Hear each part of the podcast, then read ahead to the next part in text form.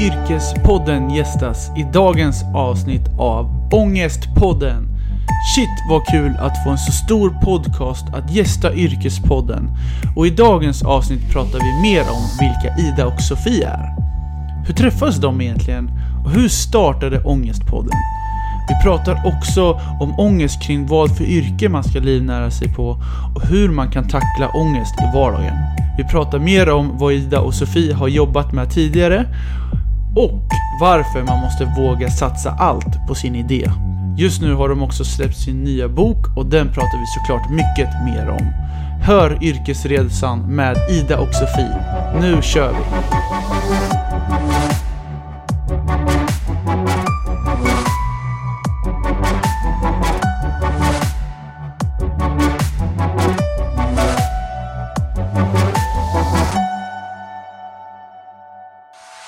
Välkommen till Yrkespodden Ida och Sofie. Tack, Tack så jättemycket! Hur är läget? Det är bra. Jag bara såhär, gud jag var lite tvek, kändes som, nej det, det är faktiskt jättebra. Jag är supertaggad på att vi ska bli intervjuade. Ja. Kul! Men du hörni, kan inte ni bara berätta vilka ni är? Du kan väl börja Ida? Mm, jag heter Ida och jag är ena halvan av Ångestpodden. Eh, men gud vad är jag med? Jag är egenföretagare, eh, jag är en glad och härlig person, nej jag skojar, så här, sälja in sig. Eh, jag hatar egentligen den där frågan för jag tycker det är så svårt när jag liksom ska ringa in så här, vem är jag? Jag är väl eh, glad, ambitiös och har ganska mycket ångest. Och jag är andra halvan av Ångestpodden. Eh, är ju då också egenföretagare. Eh, ja, vem är jag? Du sa inte vad du hette så Nej, så, men det vet väl alla nu. Sofie. eh, 26 år, kommer från Karlshamn, därav dialekten. Eh, men bor sedan fem år tillbaka i Stockholm. Eh, jag är väl en eh, ganska lugn person. Eh, som nog har ganska mycket ångest och nu har blivit ganska bra på att sätta ord på de känslorna men jag har verkligen inte alltid varit det. Ganska så här inåtvänd person. Det är jag. Jag förstår. Men hörni, eh, i Yrkespodden så brukar vi alltid börja med att man backar bandet lite. Mm. Så att eh, vi ska gå tillbaks lite till gymnasiet. Eh, vart eh, gick du gymnasiet och vad gick du? Eh, jag gick gymnasiet i Karlshamn eh, på Vägga gymnasieskola, typ den enda gymnasieskolan som finns i Karlshamn.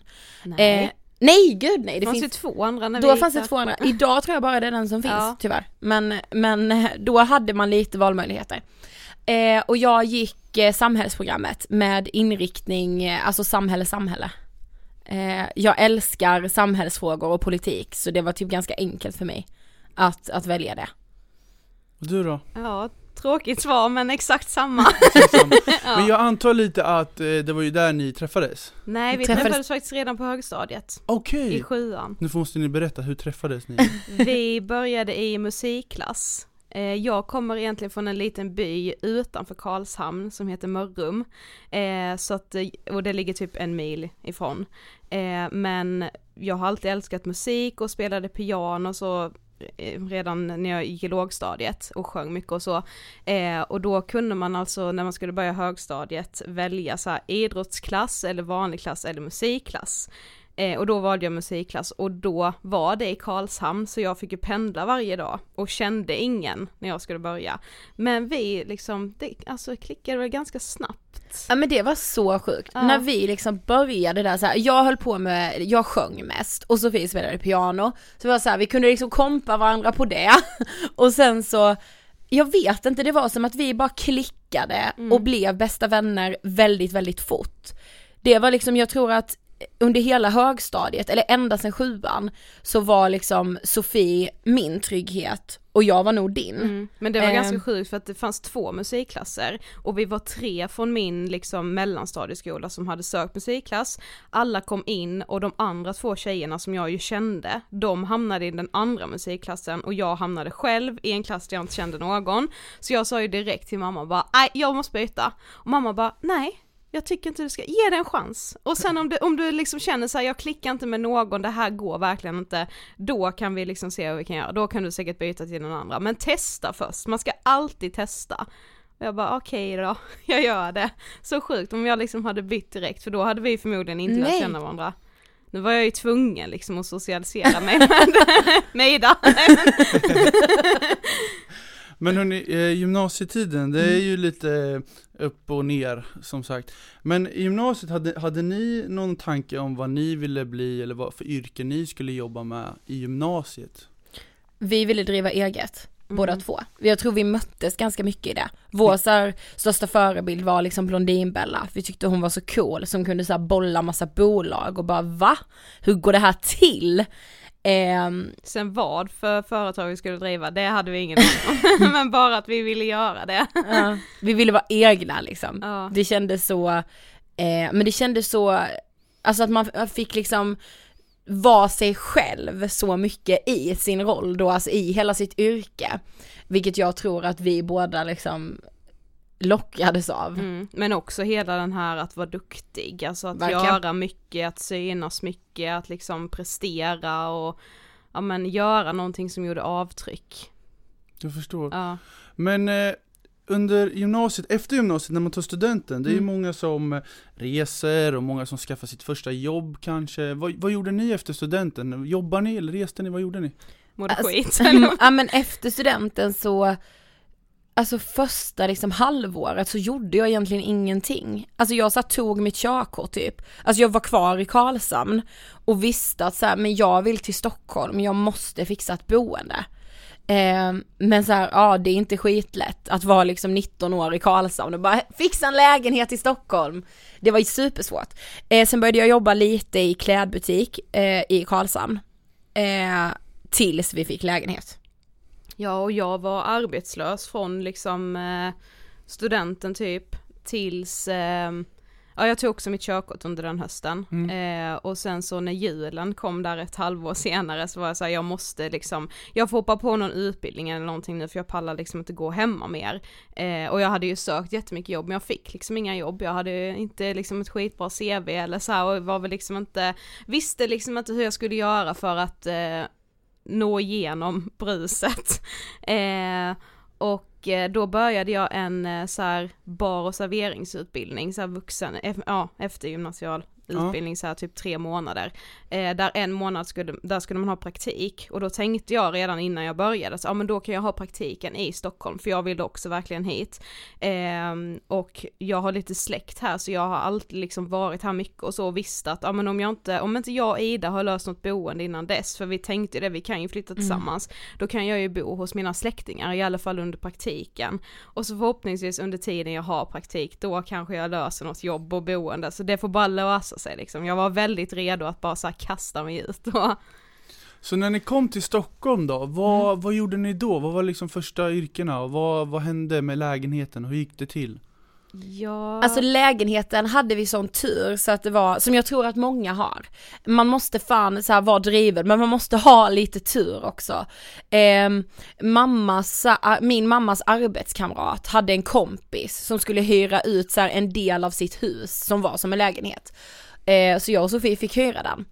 Eh, och eh, eftersom jag hade jobbat i klädbutik innan så var det inte så svårt ändå att få jobb i klädbutik här eftersom här finns det en miljon fler klädbutiker Ja, än i. Karlshamn. eh, så jag började jobba på H&M Ah, okej. Mm. eh, vilket så här, nu i efterhand var en jäkligt bra skola.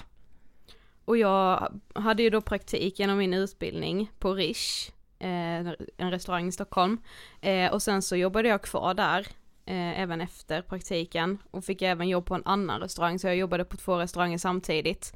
Eh, och sen så efter några månader så var jag lite trött på arbetstiderna så då sökte jag också jobb på H&M och fick det. För att Ida hade sagt vad de sa på arbetsintervjun för frågor så jag hade förberett mig så jävla bra. Perfekt ju! Det var så här, jag kommer ihåg det var någon fråga bara, ah, vad, vad tänker du liksom att man gör på morgonen när man kommer och jag bara, först tänker jag att man måste gå en säkerhetsrunda och se var alla, var alla nödutgångarna finns och de bara, det är aldrig någon som har sagt det här. Jag bara, är det inte? Ja det är jätteviktigt för mig. Totalt. Jag hade bara så preppat, bara, säg det här, Plus- säg det här. Ja men och plus att hon som intervjuade mig, hon såg ju på mitt CV att jag hade jobbat på Rish och att min referens var liksom hovmästaren på Rish och hon hade typ så två dagar innan hon intervjuade mig varit på Rish och ätit och haft en jättebra upplevelse Nej, därifrån liksom. det här visste inte jag. Jo, så hon bara ah, men hälsa dem, det var så himla gott och ah, bla bla bla. Så Ja, jag bara, det jättebra jag, bara. jag tror jag får det här jobbet. Ja. Vi jobbade dock inte i samma butik ska sägas, Nej. men eh, det finns ju hade- många hm butiker i ja, Riksdagen. verkligen, i varenda hörn här känns det. Exakt. Men eh, då kommer vi in lite på, ni hade jobbat på H&M, när började ni liksom få igång det här med poddandet? Hur kom det här intresset?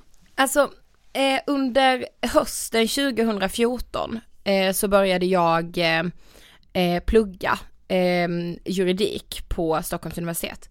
Eh, och under den här tiden så mådde jag väldigt dåligt. Jag fick panikångest och gick i terapi för min panikångest. Och under den tiden så väcktes någon slags frustration i mig om att så här, gud jag skämde så mycket för liksom min psykiska ohälsa. Och jag och Sofie vi bodde fortfarande tillsammans, vi pratade väldigt, väldigt mycket om just ämnet psykisk ohälsa. Och så här, men jag är inte en konstig person bara för att jag har drabbats av panikångest, men jag vågar ändå inte vara öppen med det. Eh, så sitter jag på en tågresa och så lyssnar jag på Filip och Fredriks podd och typ Alex och Sigge, de poddarna som fanns Det då. var ju typ bara de som fanns ja. Ja, Hanna och Amanda. Eh, typ såhär oktober 2014. Och så kommer jag på, jag bara, Ångestpodden. Det är något med det jävla namnet. Och jag bara, alltså någonting i mig var så här, men gud det här, det här är något. Så jag skriver ett sms till Sofie, jag bara Ångestpodden, är du på? Och det var jag. eh, nej men och jag tyckte väl det lät som en eh, skitkul idé. Jag hade också precis typ börjat lyssna på poddar eh, och lyssnade också på de här klassikerna. Hanna och Amanda var väl de jag lyssnade på allra mest och så Alex och Sigge och Filip och Fredrik liksom. Eh, och som jag nämnde liksom i, där i gymnasiet när vi kände att vi verkligen ville göra saker, alltså så här, vi vill inte göra något lite grann, utan ska det vara, ska det vara på riktigt liksom. Och tyckte väl hela så här poddgrejen var väldigt spännande. Ehm, och liksom jag hade själv verkligen tröttnat på liksom hela så här att läsa bloggar och hela den grejen och skriva själv också. Eh, och hade heller inte alls fastnat för så YouTube som också ju liksom höll på och Mm. liksom lite breaka då. Eh, men var inte alls inne i den grejen. Eh, så jag bara, ja alltså jag tycker att idén låter för bra för att vi inte ska testa. Eh, så vi började ju mejla massa produktionsbolag, skrev ihop någon liten elevator pitch. Eh, och bara hej, vi, vi heter Ida och Sofie, vi kommer från Karlshamn, bor i Stockholm, vi har den här idén, vill ni göra vår podd typ? Eh, och antingen så fick vi inga svar alls, eller så fick vi som svar att så här, nej vi kan inte ta emot er men eh, vi tycker idén låter jättebra men Det var faktiskt Perfect Day Ja. som skrev det, det ska sägas. Ja, De skrev att så här, idén är för bra för att ni ska skita i den. Vi har inte resurser för att ta in er liksom och ni, ni kommer från ingenstans. Men köp de här mickarna och lär er det här klippprogrammet för ni kan producera podden själva. mm, det är inte så svårt liksom. Precis. Nej nu sitter ju vi båda har ju varsin podd Mm. idag Men när jag skulle starta podd så var det verkligen så här, hur startar man en podd egentligen? Mm. Så måste ju ni också ha tänkt Mm. Ja, ja, vi fick ju youtuba liksom, how to make a podcast, how to liksom run your podcast on iTunes, Ja. eh, liksom vad är RSS-feed och liksom, Ja men Ja. allt sånt. Ja. Alltså vi satt ju liksom förut, bara så här, jobba på H&M hem och bara läsa, läsa, läsa, läsa. Sofie satte sig och bara, nu ska jag lära mig det här klippprogrammet. Eh, så, nej men alltså någonting i oss var så här, nej men alltså ångestpodden är för bra för att skita i. Eh, och, eh, och också någonstans så här hela grejen just med att psykisk ohälsa måste få ta mer plats. Jag hittade så en rapport från Socialstyrelsen så stod det var fjärde ung mår psykiskt dåligt och jag bara okej, var fjärde ung mår psykiskt dåligt men alla andra medier tycker det är mer relevant att så här, bara så här går du ner i vikt, det är, alltså så här, det är något som inte stämmer. Vi kan inte ha det så. Eh, och då kände vi väl bara men ångestpodden ska bli en motpol till allt, till allt det där liksom. Och hur startade det liksom hela resan från liksom första avsnittet till att ni bara, oh, nu har vi en podd och, och hur började ni med manus? Du vet, jag har ju manus och hur, Ja. hur kom ni på hela den grejen? alltså första avsnittet spelade vi in tre gånger innan vi liksom bara okej det här, nu får vi bara släppa detta liksom, vi kommer inte tycka att det är perfekt. Eh, och släppte första avsnittet och var, vi sa väl så här kvällen innan, bara men hur många tror vi kommer att lyssna nu liksom? Och du bara, jag tror liksom ändå hundratal, jag bara, nej 50 tror jag liksom. Typ, så här, våra Facebook-vänner kommer väl kanske att lyssna. Vi hade ju lagt upp så här på våra Instagrams som hade typ så här 200-300 följare vardera.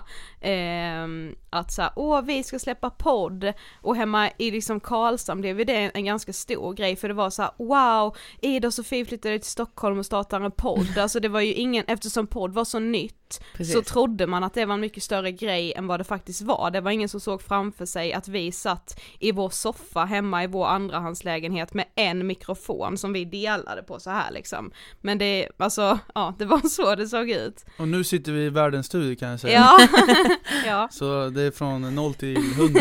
Men sen gick det ganska snabbt Ja, det också, det. så jag tror att eh, med tanke på liksom ämnet och hur, vilka vi var och hur vi liksom ser ut, det är ju liksom världens sämsta fördom om psykisk ohälsa, men så här, vi ser inte ut som två tjejer som kan må dåligt eller borde må dåligt eller gör det ibland. Eh, så det blev liksom en, det blev så här en typisk grej som tidningar vill skriva om. Så ganska snabbt så fick Att så vi en tjejerna gillar smink men kan också må dåligt. Ja, bara de här- här två, och lite också så här, de här två tjejerna ska få alla att börja prata om psykisk ohälsa, lite så här, hur fan ska det gå till Ja. typ. Men Metro skrev en jättefin artikel om oss som hamnade liksom både på liksom webben och i tryckt tidning. Eh, Och det var efter alltså en vecka hade Ja. podden Var det typ liksom funnits. startskottet typ? Ja det var typ det. Mm. Och så blev det lite så här lokalmedia nere i Blekinge. Eh, För det var ju också hela den här, en podd säger ni, vad är det? Ja. Liksom är det ett radioprogram? Hur funkar det? Alltså vi fick ju liksom berätta först och främst vad en podd är, sen Precis. vilka vi är och vad vi faktiskt ska prata om. Det var så mycket på en och samma gång, Exakt. det var ju typ därför det blev så stort Mm. också.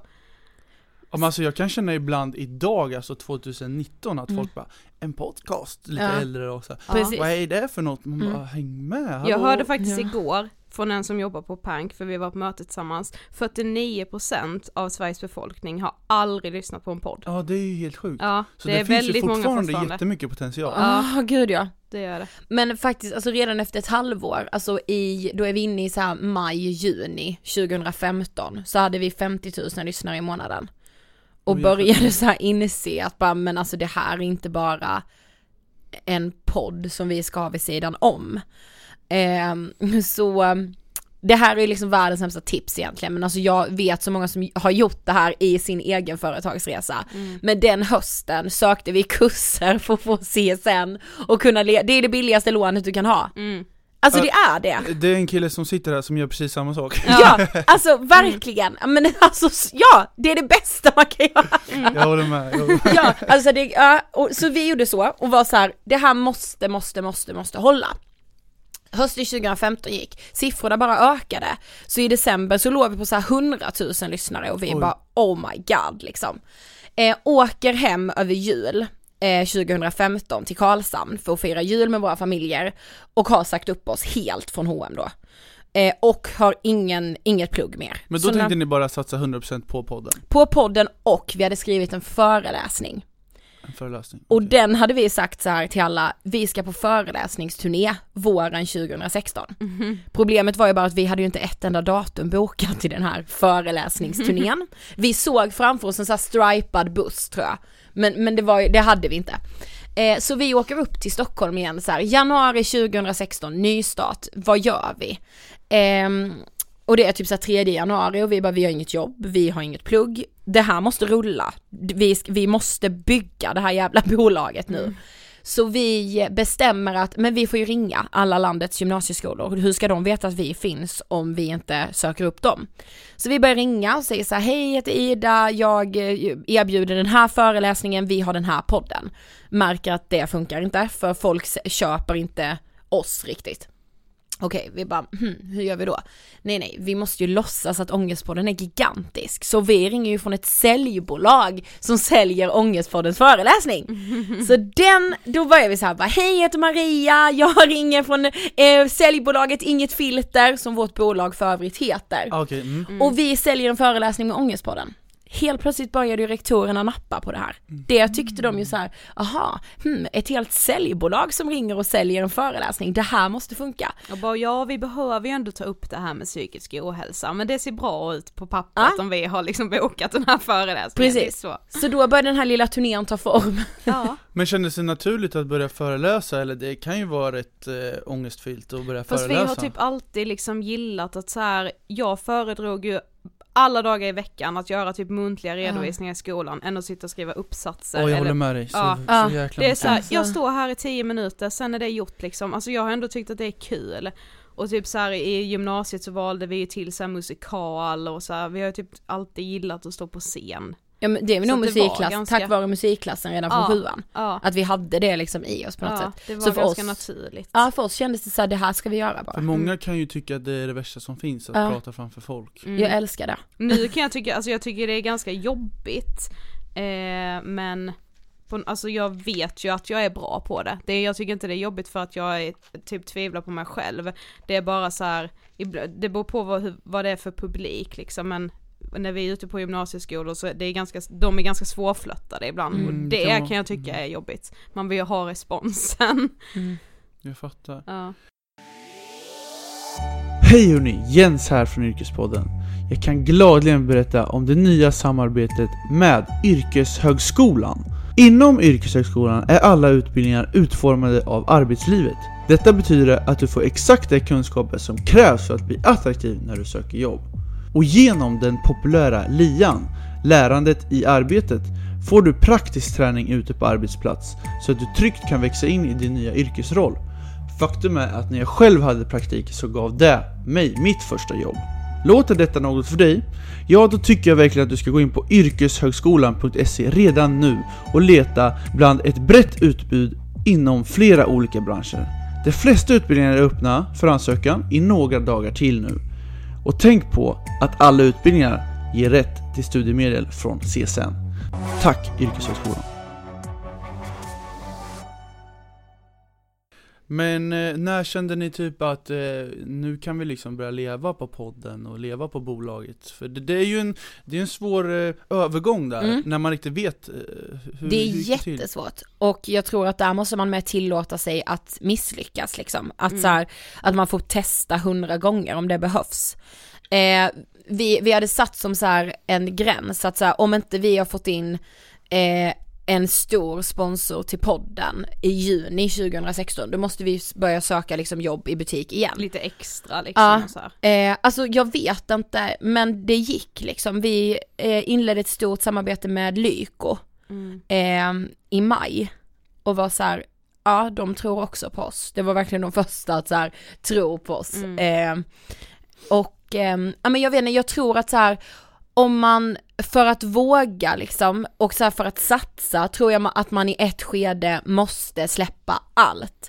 För, och inte ha några alternativ. För Mm. oss var det grejen. Alltså, vi hade, hade vi inga åkt- alternativ. Nej precis, hade vi åkt tillbaka till Stockholm där efter den julen och bara så här: okej nu har vi sagt att vi ska ut på den här föreläsningsturnén, ja det måste ju bli av liksom, annars får vi ju skämmas nu när vi har sagt att vi ska det. Men hade vi ändå haft H&M en typ, liten alltså. inkomst från H&M, alltså det hade räckt att jag bara, det var lite extra cash, då hade jag inte satt mig ner och Nej. ringt 100 gymnasieskolor på en dag, för jag hade inte varit tvungen att göra det. Det Precis. var ju liksom, alltså det är en av de värsta dagarna i mitt liv, det var så jobbigt, nej men alltså det var ju hemskt. Och bara få nej på nej på nej Mm. på nej, vi bara vad fan ska vi göra? Men det var så här 20 nej var ju värt det när man fick ett ja. Ja, För att man precis. bara, Det där gör, Yes, ja, gör ju liksom. allt liksom. Ja, Ja. och du måste få de där nejen för att få, ja det finns ingen som får bara ja genom Nej. hela livet, men det, det vet man ju inte för att man, det är inte så att man eh, säger till någon bara "Ah, jag har ringt 20 samtal idag och bara fått nej, utan man berättar bara jag har fått en föreläsningsförfrågan idag, precis. vad härligt.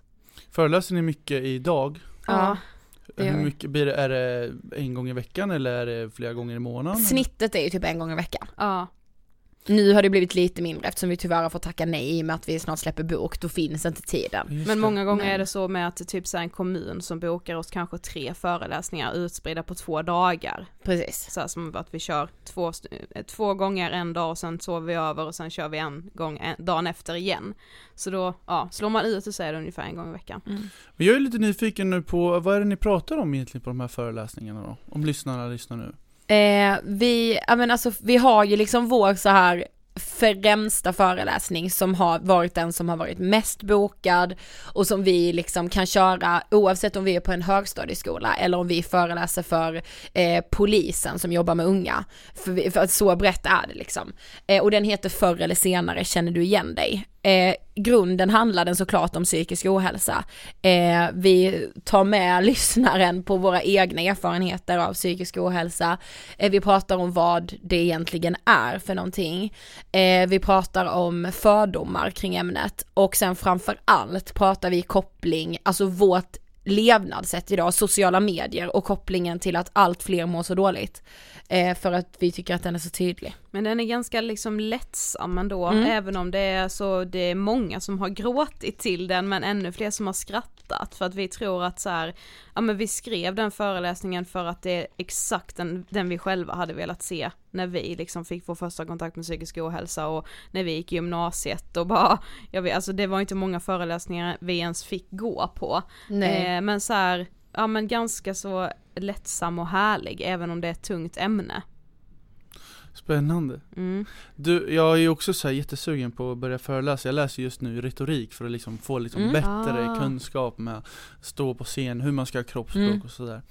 Men vi ska, vi ska gå in lite på eh, lite andra ämnen, eller vi ska faktiskt gå in på eh, den frågan som ni alltid ställer i eran podd. Mm. Så nu ska jag ge den tillbaks till er, jag. Så eh, vi kan ju börja med Ida då. Eh, vad tänker du på när du hör ordet ångest?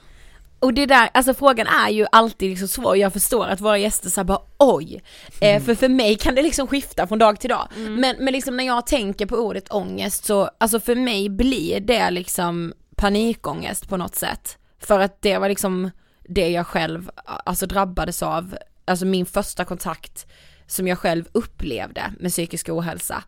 Eh, typ såhär ett tryck över bröstet och att inte liksom, att känna sig orolig typ hela tiden.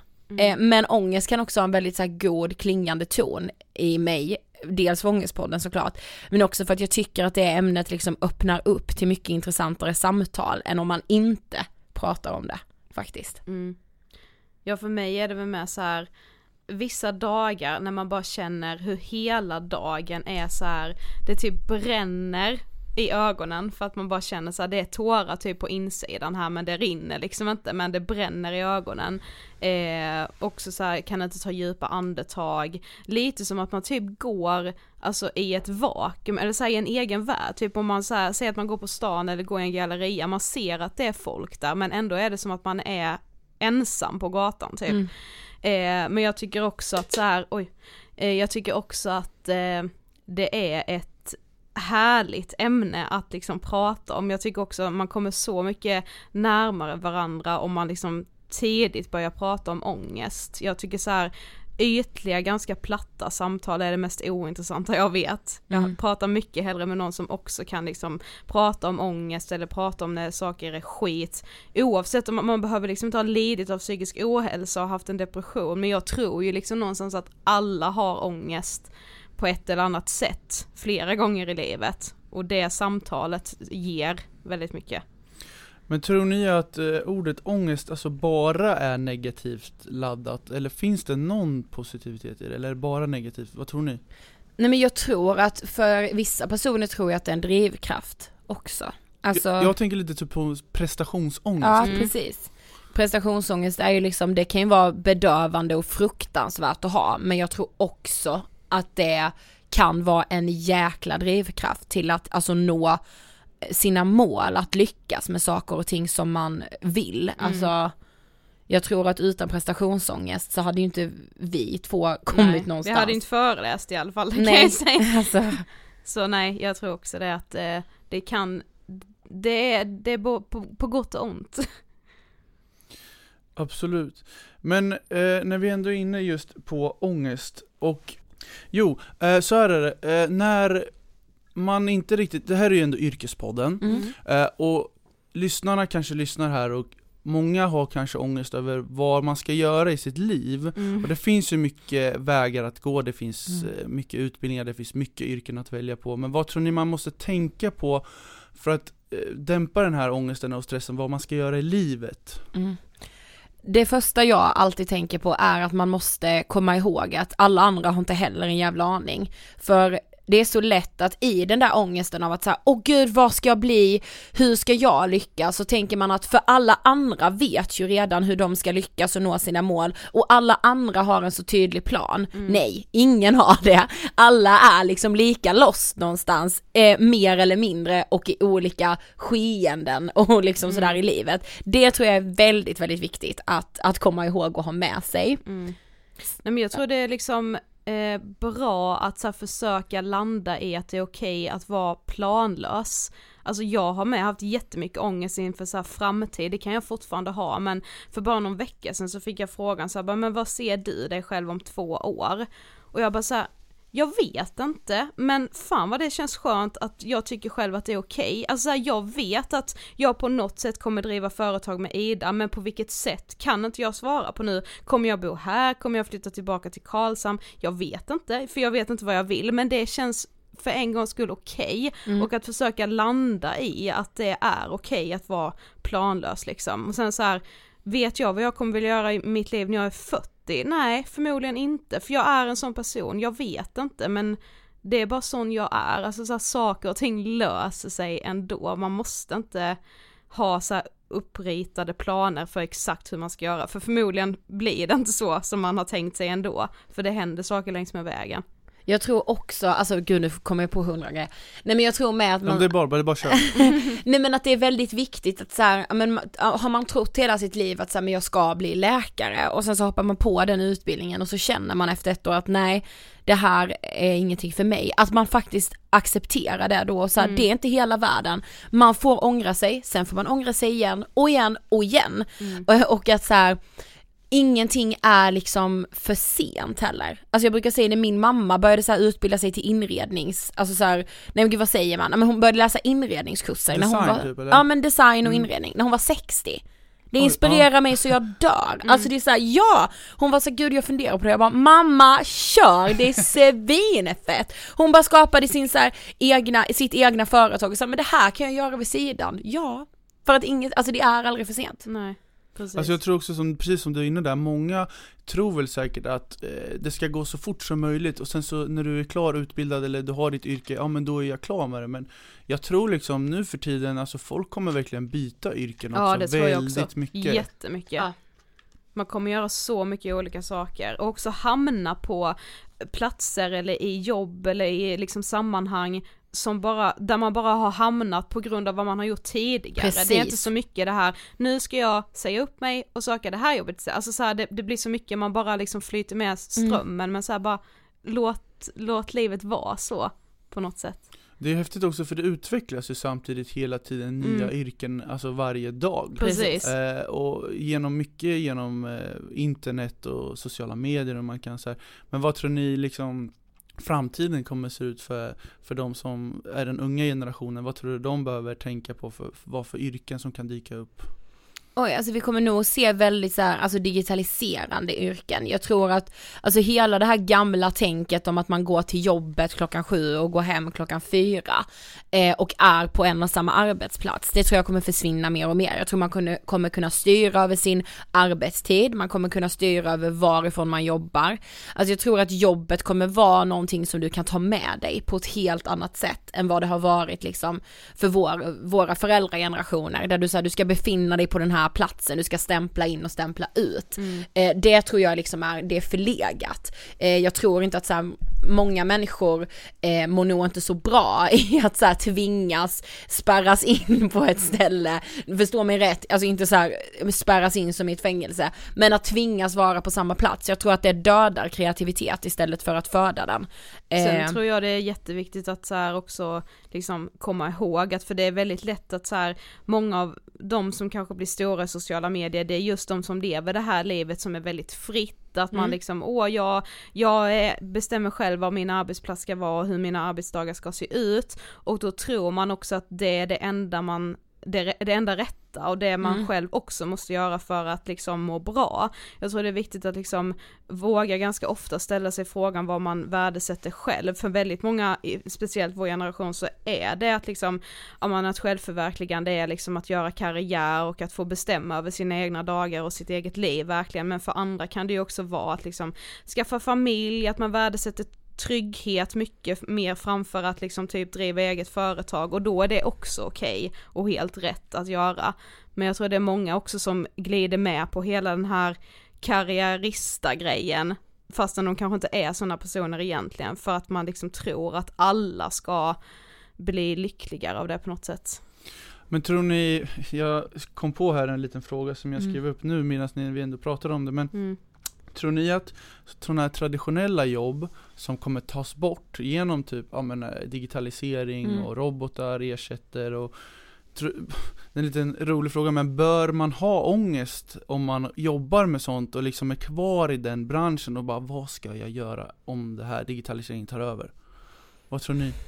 Alltså jag tänker, alltså det där är ju en jättesvår fråga och så Mm. här, jag kan verkligen förstå, alltså om man har det. Mm. Men jag tänker också att så här, men alltså vi människor är, vi kommer på saker hela tiden, vi kommer komma på en lösning på det också. Alltså det kommer finnas jobb men alltså så här, ja roboten går sönder, vem ska laga den? Eller så här, någon måste styra det. Alltså Mm. jag tror att så här, det kommer naturligt Alltså ske, den förändringen tror jag kommer ske ganska naturligt i arbetslivet. Jag tror inte att man, är på, när då robotarna kommer, att man på dagen då bara får gå hem och aldrig mer liksom har ett jobb.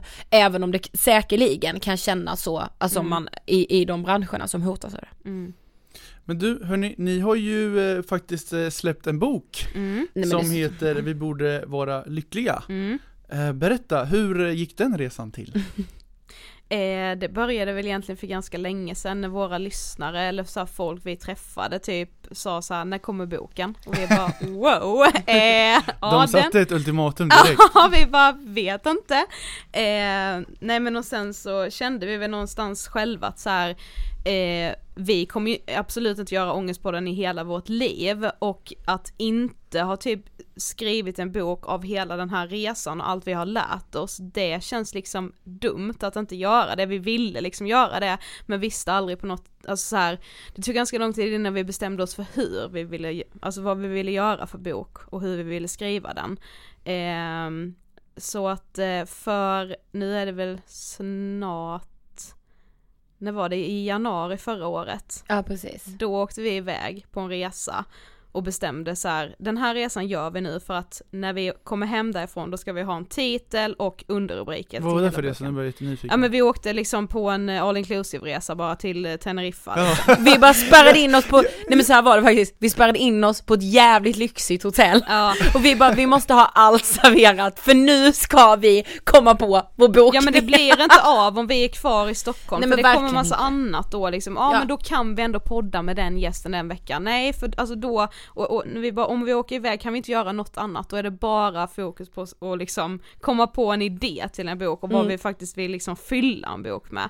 Och kom väl ganska snabbt fram till att så här, men vi vill inte skriva en bok om liksom panikångest och depression och så här psykisk ohälsa och diagnoser utan mer ta liksom ett helhetsgrepp på liksom vår generation och på liksom ångest och varför den ökar så mycket när det samtidigt sägs att de nordiska länderna aldrig har varit så lyckliga som de är idag. Det, det, det är ganska motsägelsefullt. Mm, mm. Eh, och ha liksom ha det som en frågeställning och så här, om vi kanske kan prata eller skriva om alla de där känslorna som egentligen alla våra gäster har tagit upp men kanske inte helt satt ord på direkt som typ så här bekräftelsebehov, avundsjuka, svartsjuka, att inte veta vad man vill göra med sitt liv, eh, att inte veta vem man själv är ens och ångesten i det liksom som vi tror att alla människor eh, känner flera gånger under sitt liv men som man är ganska dålig på att prata om.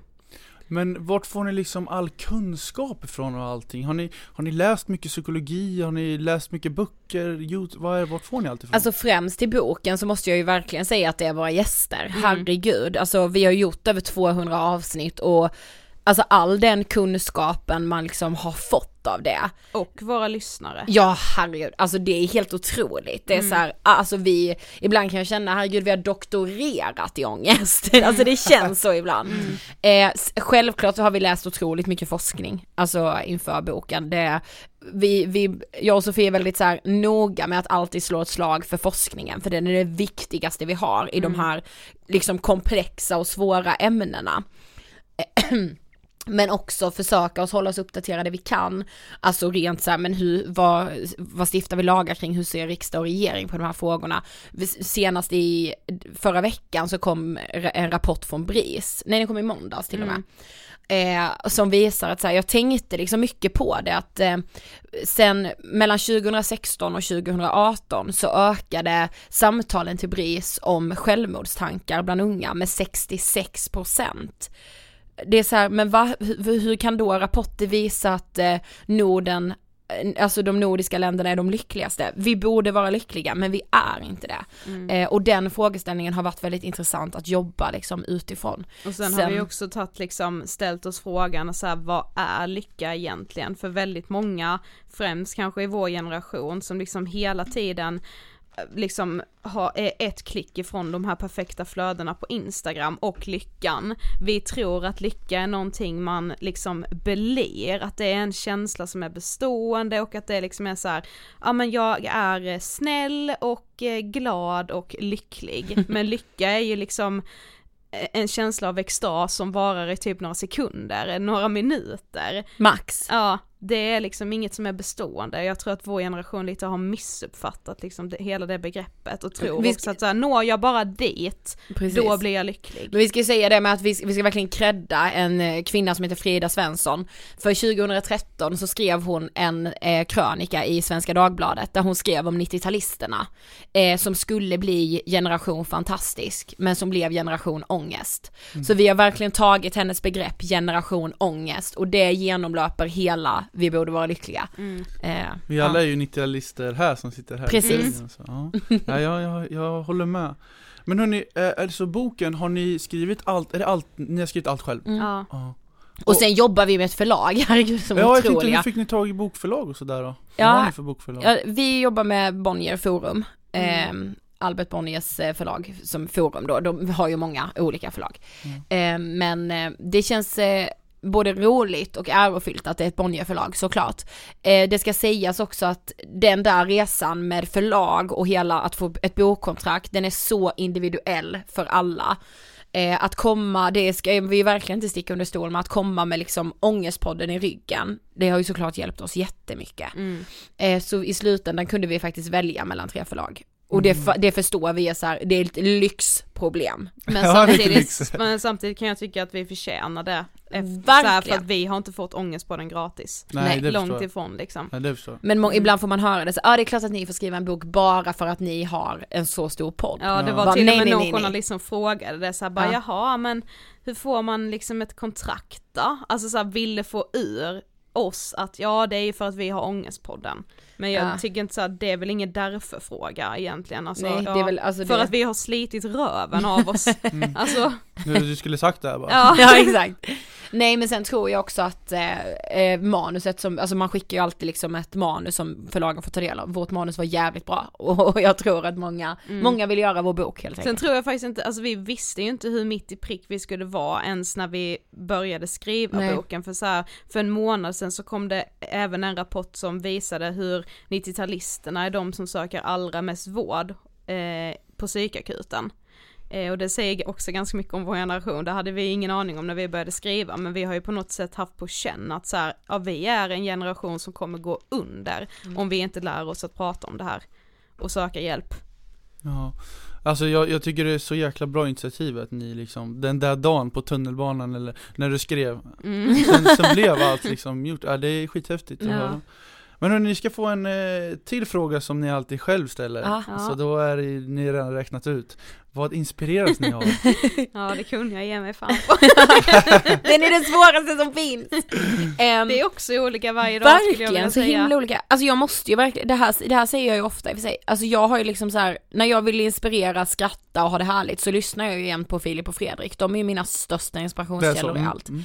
Nej men de har med den här så här, de skiter verkligen i vad andra tycker om dem. Och alltså det har jag liksom, alltså det, det var de första som lärde mig att, jaha det är okej att skita i vad folk säger om en eller så här bakom ens rygg, det spelar ingen roll. Eh, så de inspirerar mig väldigt mycket. Eh, det inspirerar mig att ehm, eh, Alltså något som har inspirerat mig senaste tiden är alltså alla som hör av sig till oss. Vi, vi ska träffa faktiskt i eftermiddag socialminister eh, Lena Hallengren och till henne ska vi överlämna Alltså jag vet inte hur många berättelser det är, men just från unga människor som har hamnat mellan stolarna i liksom BUP, eh, psykiatrin, som inte har fått den hjälp de behöver. De som delar sina berättelser, alltså wow, det inspirerar mig så mycket. Mm. Wow. Och de som verkligen mår så dåligt och inte får den hjälpen de förtjänar men som ändå inte liksom ger upp utan bara säger jag är värd den här hjälpen, jag ska ha den liksom. Det inspirerar mig med jättemycket. Och sen bara så här som jag nämnde innan, liksom samtalet om ångest. Det kan vara med vem fan som helst. Det kan vara liksom med en gäst som sitter i poddstudion, någon vi på något sätt jobbar med, någon man har matchat med på Tinder, alltså vem som helst. Bara det är det här samtalet som liksom, jag tycker det ger så himla mycket. Jätte... Jätteinspirerande att höra vad ni inspireras av. Ja. Men hörni, eh, vi kommer knyta ihop den här säcken lite. Eh, Mm. Jag kommer först ställa er, vad, ni var inne lite på framtidsplaner, du pratade om att ja det är faktiskt ganska skönt att vara i det här dilemmat att man inte vet vad man ska. Mm. Men Ja. jag är lite nyfiken ändå på vad, vad har ni för framtidsplaner? Eh, rent liksom, alltså företagsmässigt så vill vi ju verkligen eh, jobba mer opinionsbildande. Eh, vi tror att vi kan vara en väldigt viktig röst när man bygger liksom framtidens ungdomsmottagningar, framtidens elevhälsa som idag inte fungerar. Eh, och att det krävs liksom ganska så drastiska och eh, stora åtgärder och eh, ja men vi behöver göra väldigt, väldigt mycket på den biten. Jag tror att vi som har den en sån otrolig kontakt med unga över hela landet som möter de här problemen. Jag tror vi kan vara en viktig del av det bygget framåt och det hoppas vi verkligen också kunna vara. Mm. Eh, det är väl liksom det så här största framtidsvisionen. Visionen. Men privat, nej men jag vet inte. Jag får se. Ja, privat tror jag också jag får se. Ja. Mm. Spännande. Hörni, eh, om vi avslutar det här nu så så ska ni få ge eh, tre tips till Mm. lyssnarna. Och nu eh, tror jag att de flesta säkert listar ut vad jag ska ge för tips. Och det är ju för att dämpa ångest. Mm. Ja. Och ni är ju experter på det här. Så nu eh, vill jag ha tips nummer ett. Tips nummer ett måste vara att eh, prata om det. Eh, och det kan alltså, alltså det kan låta väldigt banalt och så här, vad, vad skulle det hjälpa? Men att bara sätta ord på det är jätte, jätte, jätte viktigt Och och, det hjälper mycket. Mm. Nummer två. Tips nummer två är att ehm, Gud vilket ska jag ta av alla? Nej men, nej, men att eh, försöka ändå trots ångesten inte låta den styra ditt liv utan du ska fortfarande styra ditt eget liv. Sen får ångesten vara närvarande där och du får jobba på att försöka ha den så lite närvarande som möjligt. Men att också acceptera att du kanske är en person som har mycket ångest och som säkert kommer ha ångest titt som tätt i ditt liv och det är okej, det är liksom inte det stora problemet egentligen, problemet är när ångesten börjar styra ditt liv. Så att ändå försöka liksom, om det värsta för din ångest är att eh, sitta på en middag, då ska du gå på den middagen ändå. Om det värsta din ångest tycker är att eh, redovisa i skolan, då ska du redovisa ändå för du måste bevisa för din ångest att du äger ditt liv liksom. Jäkligt bra tips. Ja. Mm. Och vad skulle ni säga det sista, tredje tipset är då? Det är verkligen att söka hjälp. Ja. Eh, vi, det är så roligt, eller roligt, det är så sjukt med oss människor. Om vi bryter benet skulle vi inte försöka gipsa det ute i garaget. Nej precis. Men när det kommer till psyket så är vi så här, gud det här ska vi fixa själva bakom lyckta dörrar. Mm. Absolut inte. Att söka hjälp är inget konstigt och det måste vi liksom veta om att vi både ska och förtjänar. Tre superbra tips Mm. av Ångestpodd. Hörni, tack så jättemycket att ni var med i Yrkespodden. Tack så Tack mycket för att snälla, komma. det var jätteroligt. Ja. Tack så mycket, det uppskattas. Eh, då säger vi hej då! Hej Hej då! då! Hej hörni, Jens här från Yrkespodden. Hoppas ni tycker om podcasten och se till att prenumerera på Yrkespodden i din poddapp. Det finns på Spotify, iTunes, Acast, Soundcloud. Ja, ni vet, där alla poddar finns. Jag finns också på LinkedIn, Jens Jangdin, och även på Instagram där jag också heter Jens Jangdin. Och stort tack till min högra hand som klipper min podd, Sebastian Myrdal. Har ni frågor angående klippa podcast så ska ni höra av er på sebastian.myrdal.gmail.com. Tack så mycket.